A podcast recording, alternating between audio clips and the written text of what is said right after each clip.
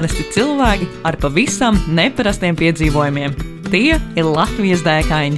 Iedvesmojošas sarunas ar piedzīvojumu meklētājiem par pieredzi un ceļā gūtajām atziņām. Raidījumu vada Ausma un Zane. Un esiet sveicināti jau trešajā sarunā Latvijas dēkaini. Pie jums, kā vienmēr, Ausma un Zane un mūsu šīs dienas viesis mm -hmm. Mārcis Kalniņš. Yep. Čau, Māri! Čau, Čau, Māri! čau, čau. Nu, varbūt var pastāstīt mūsu klausītājiem, kas tad tu esi? Nu, pāris vārdos. Ja nu kāds latvietis vēl kaut kur nezina, dzīvojis un nezina, Viņi varētu būt, ka nezinu, tāpēc, ka ir jau tās mm, pārklāšanās. Tagad to sauc par burbuli. Ja cilvēks uzaudzis brīdī, kad es neesmu bijis redzams kaut kur, tad jau varbūt viņš arī mani nezina. Bet, ja ir uzaudzis tā, ka man zina, tad viņš man ļoti labi zina un uzskata, ka es esmu pazīstams jau sen no kopš bērnības. Bieži vien ir tā, ka uh, tikai tad, kad ir kaut kāds saviesīgs vakars, kuros mēs paralēli diezgan reti varam gadīties ar citiem cilvēkiem, tad viņš, oh, jā, es taču uzaugu ar tiem taviem stāstiem. Tad es sajūtos nērti, jo, nu, labi, es strādāju kaut kādus 20 vai 25 gadus attiecībā uz vīdi, uz to, ka cilvēkiem vajag iet dabā, par to, ka zīves arī ir cilvēki. Nu, tie, tie, tie visādi nosaukumi mainās, bet tā ideja jau saglabājās. un Tad bieži vien ir tā, ka, nā, kā, nu, jā, piedodiet, es vēl esmu dzīves, kašājos. Man vēl gribās kaut ko Nu, vēl, nu. vēl izdarīt. Tur patiešām ir tāds sajūta, ka, nu, jā, jā, vajadzēja jau būt tā, ka es jau kaut kur nesmu Nu, man atcerēties. Bet tad, kad tu tā pasaki, tad man jāatzīst, ka es tevi ļoti labi Nu, jā, atceros no redziet, kā bērnības. teicu, nu, tas ir tas, kas man no tā, oh, oh, lāk, jā, vai, Jā. interesanti. Es atceros, pirms kādiem, eh, es pat nezinu, cik gadiem, bet es mācījos kādā 8. klasē, un Jā, bija tā jā. pašā pavāra grāmata Jā, bija, par ā, mēžu. Es te tevā dabā. Jā, un man tā patika, man liekas, izaugšu liela un iešu kā mārs Olte un lasīšu sēnes un, Yes. nezinu, zvejošu un taisīšu foršas vakariņas uz ugunskura. Un patiesībā nav melots. Es esmu tikusi līdz tam līmenim. Un arī tie pavāri, kurus mēs toreiz neviens nav tā, ka pazudis būtu nebūtībā. Viņi paliek aizvien spēcīgāk un spēcīgāk. Kāspars Jansons, Ērgs Dreibans, visi viņi tur ir. Un sīrmais arī, man liekas, tur bija. Jā, jā, jā, sirmā mēs, ak, Dievs, tas gailis bija baiss. Mēs cepām gailu, un viņš bija um, tā, ka uznāca baigais sniegpatens, milzīgs sniegpatens tajā latgalē, un mēs izcepām no tā gaļa apmēram. Es tagad rādu piecotnieku izmēru tādu gabaliņu. Mm -hmm. Bija jau jāstāsta, ka bija ļoti garšīgs, un tā jau tajos mālos izcepts viņš bija tā. Bet tas bija, viņš Labi, bija divi uguns, kur mēs tāpat nevarējām viņu izkurināt, bet tas bija cits. Bet jā, tas stāsts bija ir tavā dabā. Un toreiz tā bija tāda grāmata, mm, kas uzaicināja cilvēkus ne tikai domāt par to, kā jums ir klasiskās desiņas vai šašliks, bet ko mēs vēl varam izdarīt. Un faktiski tā motivācija cilvēkiem domāt par to, ko vēl mēs varam izdarīt parastā veidā, vai parastā vietā, vai parastā laikā, kaut ko neparastu, viņi kā vadmotīvs saglabājusies joprojām. Un visi tie pasākumi, kurus mēs darām, mēs darām tikai tāpēc, ka mums viņi ir interesanti. Un līdz ar to tad arī nu, tu- tur ir tas neparastais pasākums, foršais, kas veidojās. Nu, runājot par tiem neparastiem un foršiem pasākumiem, tad nu, droši vien arī tev, līdzīgi kā iepriekšējiem diviem mūsu raidījumu viesiem, vaicāsim to the question, jeb šo to jautājumu. Kurš tas ir? tas jautājums ir. Nu, kas tad ir tā lielākā dēka, kādā tu esi bijis? Tā lielākā dēka. Tu man prasīji, jau gatavoties, kad pusotru dienu es domāju par to lielāko. Rīktīgi, laicīgi. Jā, un, tā dēka jau mm, saprot, ka cilvēkiem, kuri nodarbojās ar, ar to, ko viņiem patīk nodarboties, tā dēka ir nemitīga. Mm. Līdz ar to varētu teikt, ka lielākā dēka ir mana dzīve. Bet, eh, bet pa lielam, mm, tomēr mēs katrs tādu savu lauciņu cilvēku apziņā iekarojam. Un tagad es no rīta gāju ārā. eh, No mājām es iemetu sev e-pastā šo bildīti, un tagad tā bildīte man ir rokā. Tā ir no tā, ka mēs bijām beiguši to lielāko dēku. Lielākā dēka, protams, relatīvi varētu teikt, arī ir ilgākā dēka, ilgākais ceļojums, kurā mēs bijām devušies ar 6 metru kanoja laivu. Cik, ā, cik ilgs bija šis ceļojums? Pirmajā piegājienā 2002. gadā viņš bija mēnesis ilgs, un mēs nobraucām kaut kādu tūkstoti kilometru Ar kaikiem. ar šādām divām kanoja laivām, Mm. mm. sešmetrīgām pa Jukonas upu uz leju. Sākumā mēs tikām no Whitehorse līdz Cerklai, un uh, pēc tam, mm, piecus gadus vēlāk, mēs pabeidzām to ceļojumu. Šities bija skats, ko, ko jūs redzat, ir tas, kurš mm, pusotrs mēnesis ir laivots, un nolaivots apmēram pusotrs tūkstotis kilometru. Tad mēs tur tādi bijām, divās laivās pieci cilvēki. Un, uh, laikam, tā lielākā dēka tomēr ir visilglaicīgākā. Protams, varētu kā dēka arī uzskatīt uh, atrašanos padomju armijā. Tā bija divas gadus ilga dēka, bet uh, Šī bija tāda, man liekas, vairāk ar piedzīvojumiem un ar ārējo vidi saistīta. Tad, tad nu, par, par šo laivošanas dēku mazliet vairāk pieskaroties. Tad kurā valstī tas bija un tas kurā bija, gadā? Viņš bija? sākās, ja nemaldos, Kanādā un pēc tam gāja iekšā Amerikā. Jukona ir tāda dīvaina upe, kas tek uz ziemeļiem, un mēs viņu sākām 2002. gadā. E, tur bija tā, ka Jānis Kļaviņš, cilvēks, ar kuriem SVH taisa to zaļo stūri, joprojām mēs sadarbojamies. Tas ir tāds radioraidījums ceturtdienas vakaros un sestdienas rītos. Viņš teica, klausies, Mārtiņ, es zinu, ka tev, tu visu, ko zini, mēs, es gribētu nobraukt pie Jukonas upi. Viņš bija salasījis Džeku Londonu, kur droši vien mūsdienās vairs neviens nelasa. O, oh, es lasu, Dže, Džeks Mieža grauds vēl nesen pabeidz. Nu, lūk, viņš teica, ka viņam tā Džeka Londona un tā zeltraču ideja dikti patīk, vai es nevaru sameklēt vēl kādu cilvēku. Tanī brīdī sameklējām, mums bija Sandrs Jūra operators. Tas bija jau savējais. Tad mēs sameklējām, mm, pirmajā ekspedīcijā bija, ekspedīcijā bija Gats Birkovs, kuram tajā brīdī piederēja Haizjus un Būlis, tāds restorāns Jurmalā. Un tad vēl bija Rāmas Dombrovskis, tas bija vienīgais, kurš to Jukonu bija redzējis. Jo viņš ir tāds pipars, nu jā, viņš varbūt plašāk pazīstams, bet viņš 17 gadu vecumā, dēļ to, ka viņa mamma apprecējās ar amerikāni, nokļuva Bronksā un gāja Bronxā skolā, kur viņi bija divi balti cilvēki visā skolā. Viņam ir net, pietiekoši neticams tās um, viņa likteņa pārvērtības. Un es zināju, ka viņš kā biatlonists viņš bija mēģinājis braukt ar to A2B rollerski, kas tagad ir dokumentālā filmā pārvērsts stāsts. Mm -hmm. Viņš bija braucis gar Juko. Viņš teica, jā, es zinu, kāda viņi ir. Ai, jūs gribat tur braukt? Nu, labi, es arī braukšu. Uh. Viņš bija vienīgais, kurš zināja, ka, ka, kā tā Amerika strādā un kā, ko, ko tur vajag darīt. Līdz ar to mēs sadalījām pienākumus. Tad Raims bija laivas, Jānis bija atkal visas tās leģendas un, un medību sektors.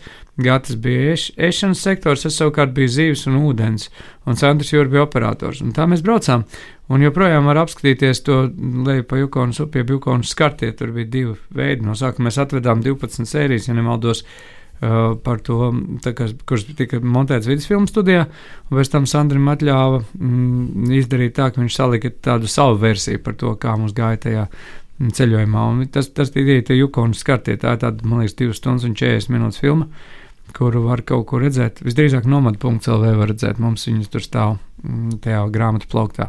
Man liekas, tas vispār ir tāds fantastisks mēģis, tā lielākā dēka, kurā tu dodies, ka viņu dokumentē kāds oh, burvīgi. Tas jau ir uh, labākais. Redzi, pa dēkām visiem tiem dēkaņiem jāsaprot, gan potenciāliem, gan esošiem jāsaprot tāda lieta. Viens ir, ko tu esi izdomājis, bet otrs, kas tas ir. Un um, tā, tā jēga visam radās tikai tajā brīdī, kad tas nav interesanti tikai tev vai tavam adrenalīna pumpītam, bet gan. Pimpītam, laikam, nevar teikt. Uh, nu, jā, nevar. Nu, viss kārtībā. jā, jā, tad um, tavam adrenalīna pumpītam, bet, bet gan arī zin, kopējai, mm, kopējai tai, tai sabiedrībai. Un tas Džeks Londons bija tā, tas motīvs, kāpēc cilvēkiem varētu būt interesanti, kā tur tajos laikos dzīvoja. Un pirmajā tajā 2002. gadā viņam mutē maļām klausījās, kā es no tās informācijas, ko es biju dabūjis, būvēju augšā tos stand-ups. Raimons negant smējās visu laiku par to, bet tagad viņš bieži vien pats nonāk tādā stāstnieku lomā un ir spiests darīt to darbu, ko viņš sauc par valsts vidas filmu faktu studiju, kā viņš tur visu laiku zirgojās. Bet jā, nu, tā stāstnieka pozīcija bija manējā. Un, un, un do, to es saku visiem, kuri dodas kaut kur prom. Jūs varat būt interesanti citiem cilvēkiem tikai tad, ja tur ir kaut kāda pievienotā vērtība, un to vajag iegaumēt. Jo tad arī tai tavai kaislībai ir kaut kāda vērtība. Tu varbūt kaut ko vari izmainīt tajā situācijā, to, ko tu domā, kam tu esi spējīgs. Jo dažreiz jau tie dzīves dzīves eh, līkloči un kalniņi griežās tik neparastos virzienos, ka pat iedomāties nevar. Bet bija uz turieni jāaizbrauc, bija par to jāizstāsta, lai tas turpinātos vai saglabātos tāds, kāds viņš ir. Un, ja mēs tagad brauktu, mēs atkal redzētu iespējams pavisam citu upi, bet tas jau būtu cits stāsts. Šeit mēs divos piegājienos 2002. un 2007. gadā tikai Gata Birko nomainīja Andris Pikāns Kurbats. Tas ir mm, tas eh, uzņēmējs, kur Jānis pēc tam nobrauc no Rīgas līdz Melburnai ar motocikliem un uh, bliežam virsū. Un... Tu to tik viegli pastāstīji. Nu, tā vienkārši jā, jā, tas ir divos gados no Rīgas līdz Valmierai. jā, tā kā aizsoļojam, nezinu, aizgāju nopirkt pienu. bet tas, bet tas tā arī ir.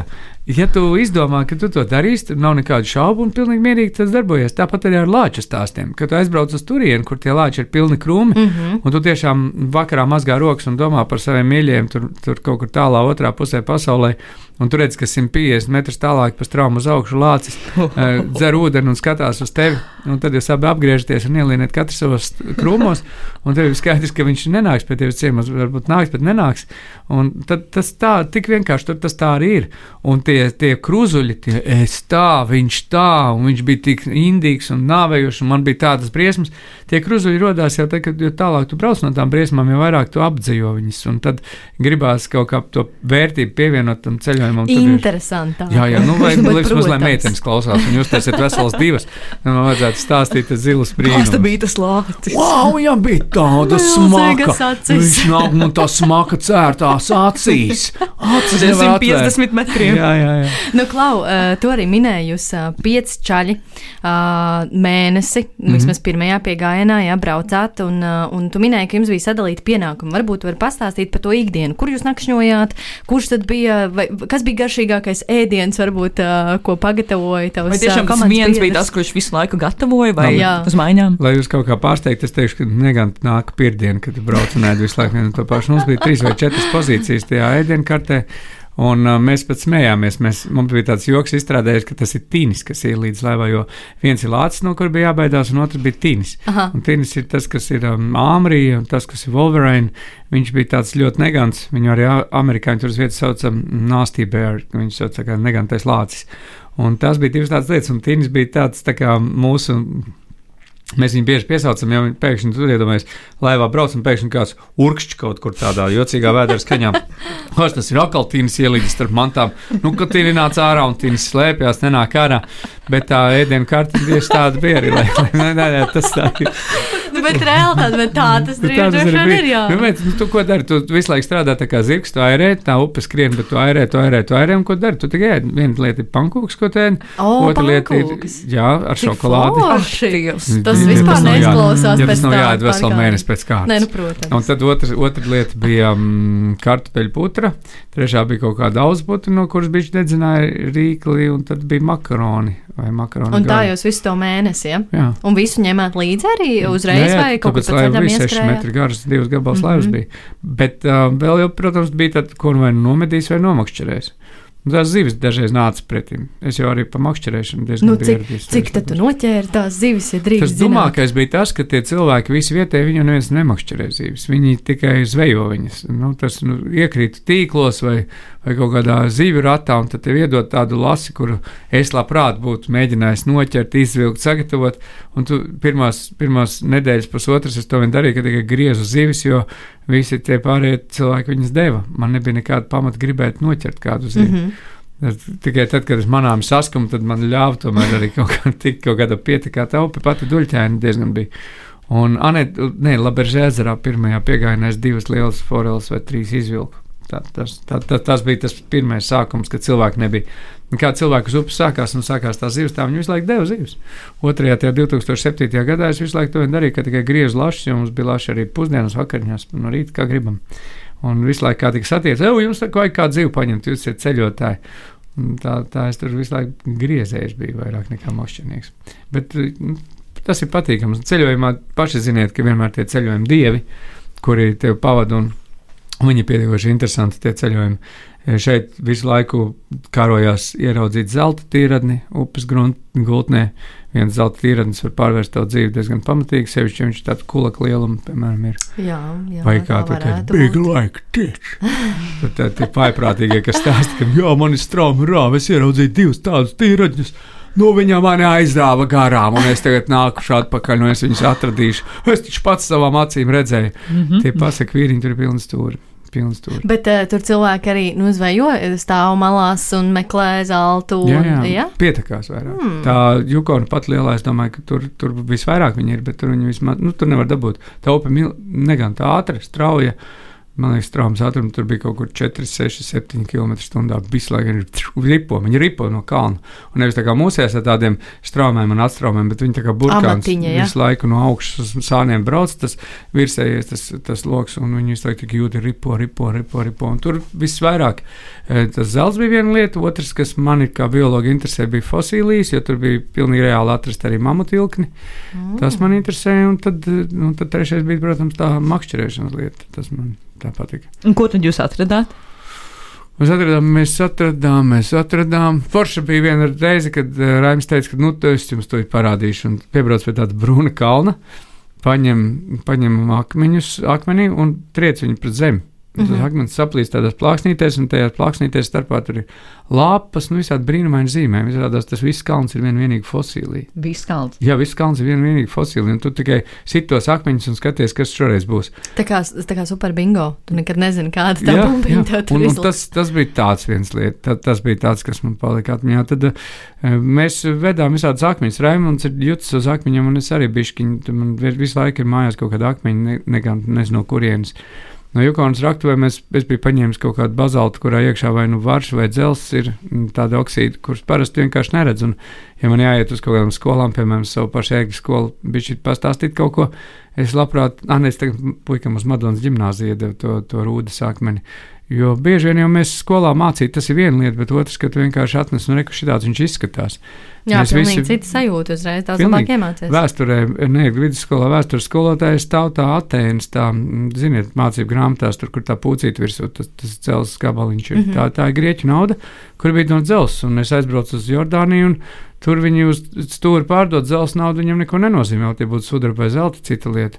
Un tur tu vari nopirkt to vēstures gabaliņu, kurš vispār tūkstoš gadus vecs, par kaut kādiem nieku 4 vai 5 eiro, un tu domā, oi, kā tas ir iespējams. Ka ir tās tie pārliecina dīvaini. Bet, uh, jā, tad, tad tie, tie derīgi izraktiņi bija tas, ko mēs meklējām. Un fosilijas arī kaut kādas. eh, Es atvedu laikam pārakmeņojušos um, šo mm, juniper, tas ir um, paiglītis. Paiglītis stumbrs, kurš izskatās kā paiglītis stumbrs, tikai akmens. Spiediens, laiks, un viņš uztaisījis, bet paiglītis jau toreiz ir bijis paiglītis. Burvīgs mākslinieks. Kā ir ar šādām fosilijām? Tu viņus vari ņemt, tā kā droši ņemt uz Latviju. Un... Fosilijas var ņemt uz turieni, un, un vēl joks ir tāds, ka arī tie mamutu ilgi, laikam, skaitās fosilija, kas neskaitās e, ziloņkauls. Jā, es, mm -hmm. es Mhm. neesmu tik gudrs šobrīd, bet toreiz, toreiz kad mēs braucām, te- teica, ka ja mēs atrastām mamutu ilgi, mēs iespējams viņu varētu dabūt. Tur arī pārdeva īstenībā viņu kilogramos. Tas bija tikai pašā brauciena sākumā, līdz ar to mums viņš nebija interesants. Kāpēc man brauciena sākumā jāpērk kaut kāds kilograms par 120 dolāriem, tur kaut kāds ilkņa gabals. Plus, eh, ja ir varbūtība, ka paši varat nejauši atrast. Jā, bet par to mūsu iznest cauri. Tur Mēs, tā, mēs gaidījām, ka būs tā kāpa, kurā visvairāk to, to, to mamutu atliek. Ir, un, un mums pateica, vispirms, ka viņš būs pastrāms uz leju, pastrāms uz leju, Mhm, pastrāms uz leju. mhm. Pēc tam vienā miestā teica, jā, jā pastrāms uz augšu. Un es atceros, kur bija tas kalns. Viņš bija smilšaināks nekā citi. Bet, nu, ko tas dod? Viņš ir manās atmiņās. Es, kamēr dzīves, varu vēlreiz viņā nokļūt, ja gribēšu. Ko tu parasti dari, kad dodies pārgājienā un tev reāli apnīk? Nu, es laikam sāku dungot. Nā, pacu, pacu, nā, nā, pacu, pacu, nā, nā.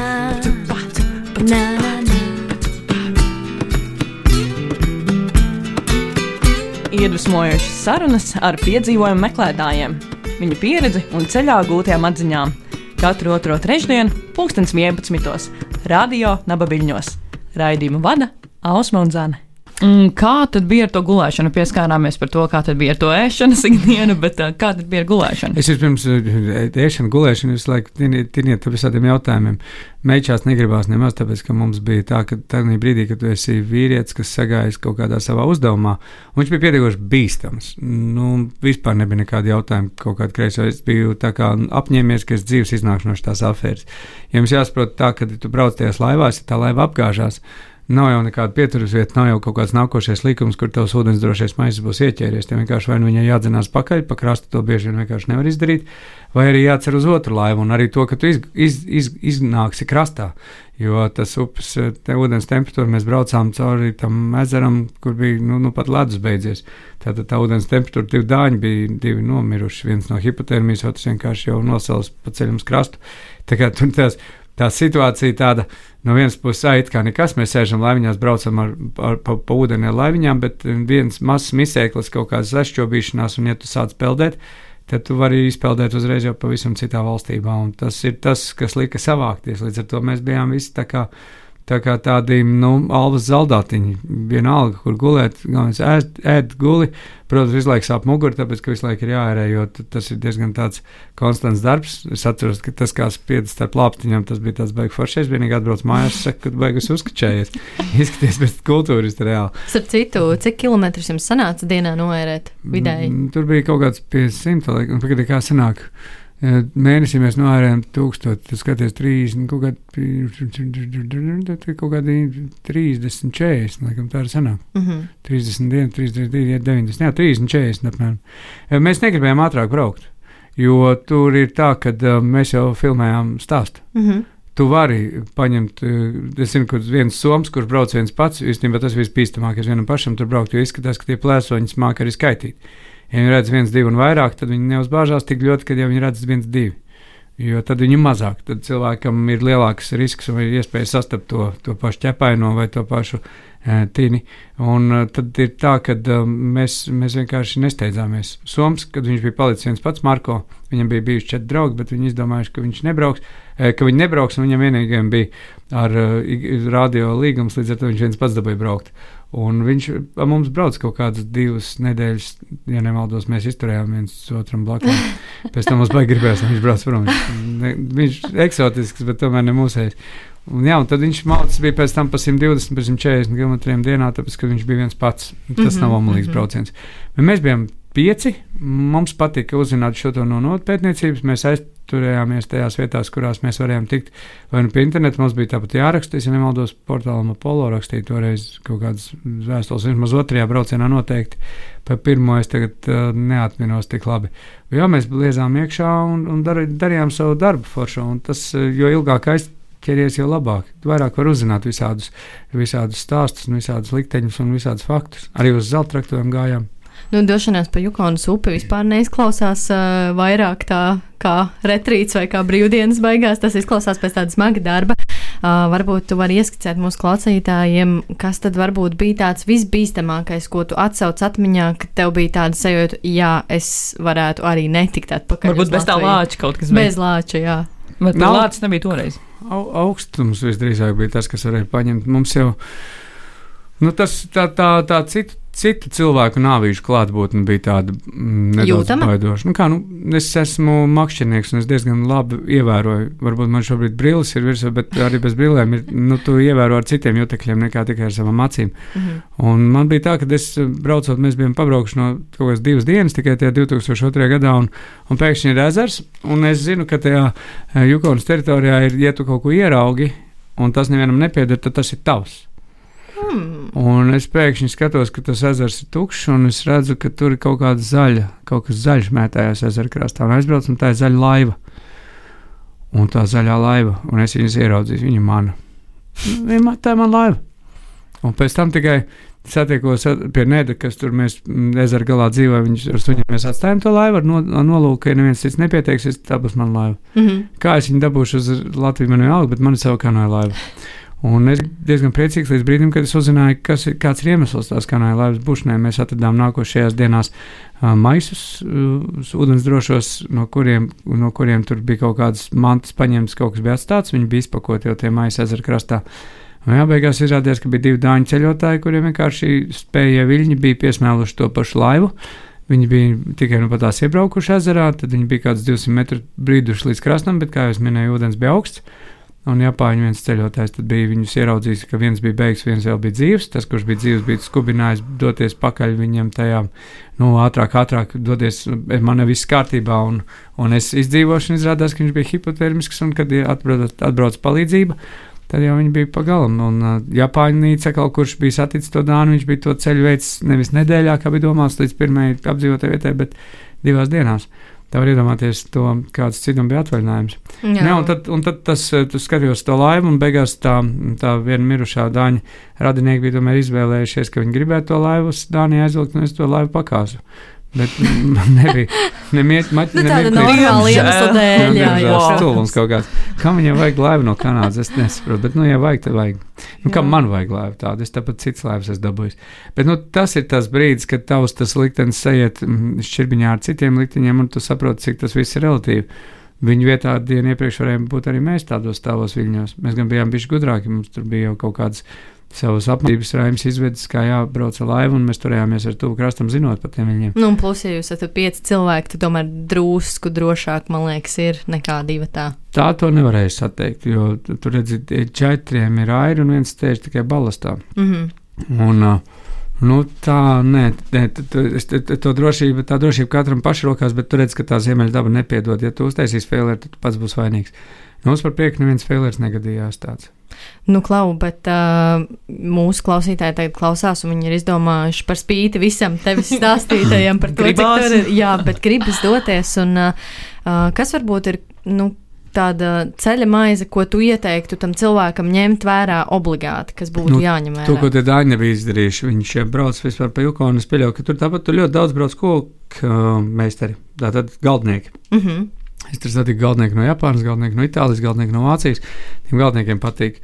Viena Bet, lieta ir skaidrs, bet- ka tur ir pa ceļam maz, mazas tādas vietiņas, kuras, kuras, var, kuras var, kurās var paņemt atkal kaut kādas pārtikas rezerves. Tie dāņi bija konkrēti kuļūdījušies, viņi bija sakrāvuši iekšā tajā laivā milzīgi daudz pārtikas.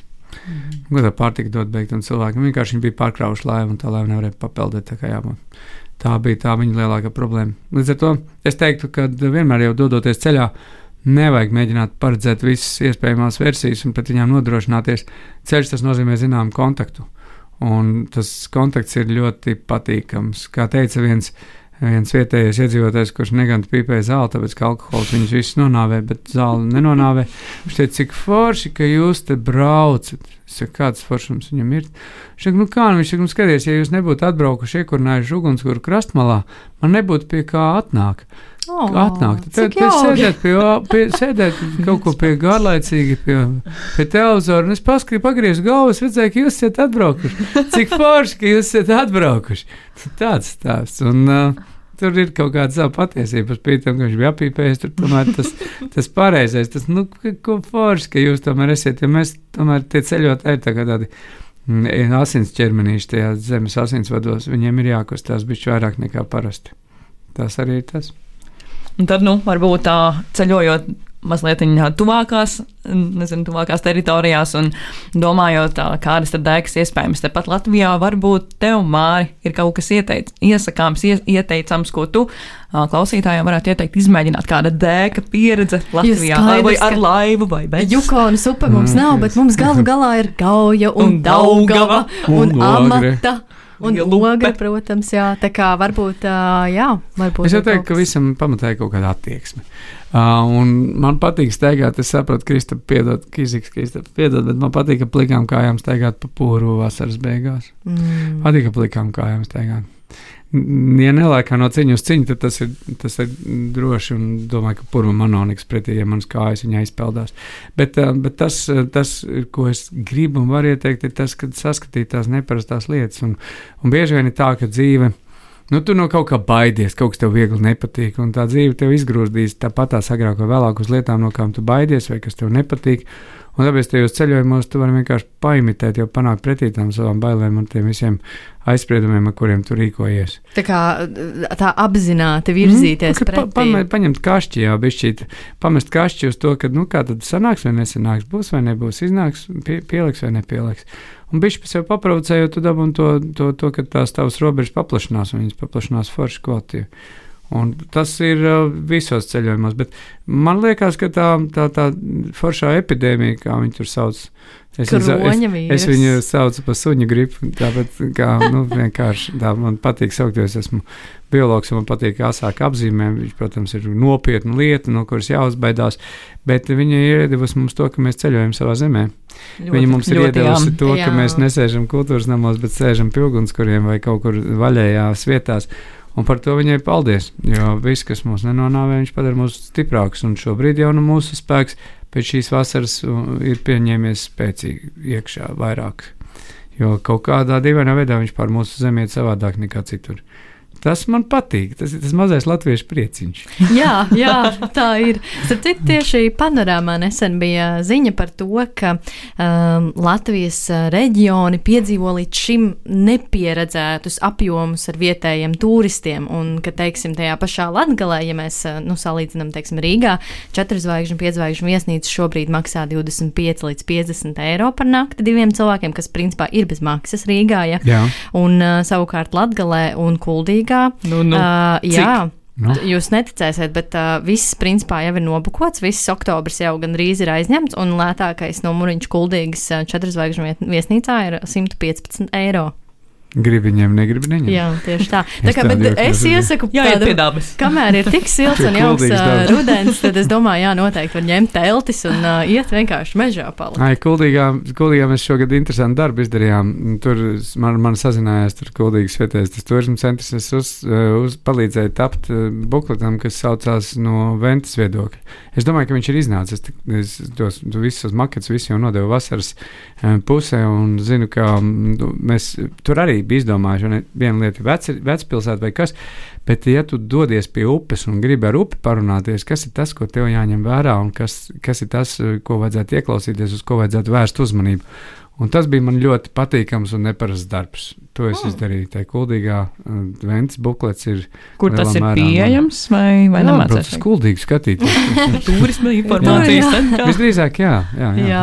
Jā. Tas bija tāds mans foršs darbiņš, ka man patīk darīt. Jo man patīk, ja cilvēki sāk domāt par citām substancēm, un upes mala, un zīves, un visa tā bioloģija, kas saistās ar ūdeni.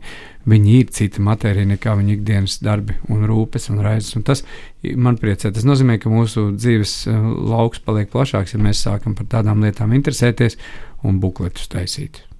Jā, nu bukleti reizēm ir noderīgi. Nu, ir noderīgi. Bet, uh, Nē, Varbūt ciets daudzīgākā papīrs. formātā. Pārāk ciets papīrs. bet Nu, jā, ko, Māri, tad, nu, teiksim tev lielu paldies, ka atnāci. jā, un Paldies. paldies tev par stāstu, jo man šeit, ka sēžot te un klausēties, tiešām tev mirdz acis par to, ko tu dari, un paldies tev par to, ko tu dari. Nu, Starp citu, paldies. Māris ir taču turisma salidojuma tēvs Latvijā galu Jā. galā. To mēs izdarījām. Nu, Bet no tevis es redzu tikai kreiso aci. Jā, no nu, tevis tā tā grūti. Jā, jā. Jā, bet teiksim tev lielu paldies, eh, ka atvēlēji mums savu laiku, un um, ar to mēs uh, šo trešo Up, up. Latvijas dēkāņu epizodi noslēdzam, un uh, tiksimies uh, jau pēc divām nedēļām. Ar nākamo stāstu. Tieši tā no nākamā dēkāņa. Par Paldies! ko būs tas? Aha, tu Tā būs iespējams ā, šoreiz meitene. Jā, Ū! jā, būs meitene. Būs jāklausās. Būs forši. Uh, labi, paldies, un uh, tiekamies nākamreiz. Lai Čau, čau. Čau, čau. Čau. Brauciet ciemos. Ko tu parasti dari, kad dodies pārgājienā un tev reāli apnīk? Nu, es laikam sāku dungot. Na, paču, paču, na, na, paču, paču, na, na, na.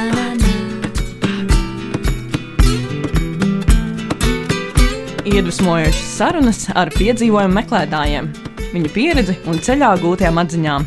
Katru otro trešdienu, pulkstens 11. Radio Nabaviļņos. Raidījumu vada Ausma un Zana.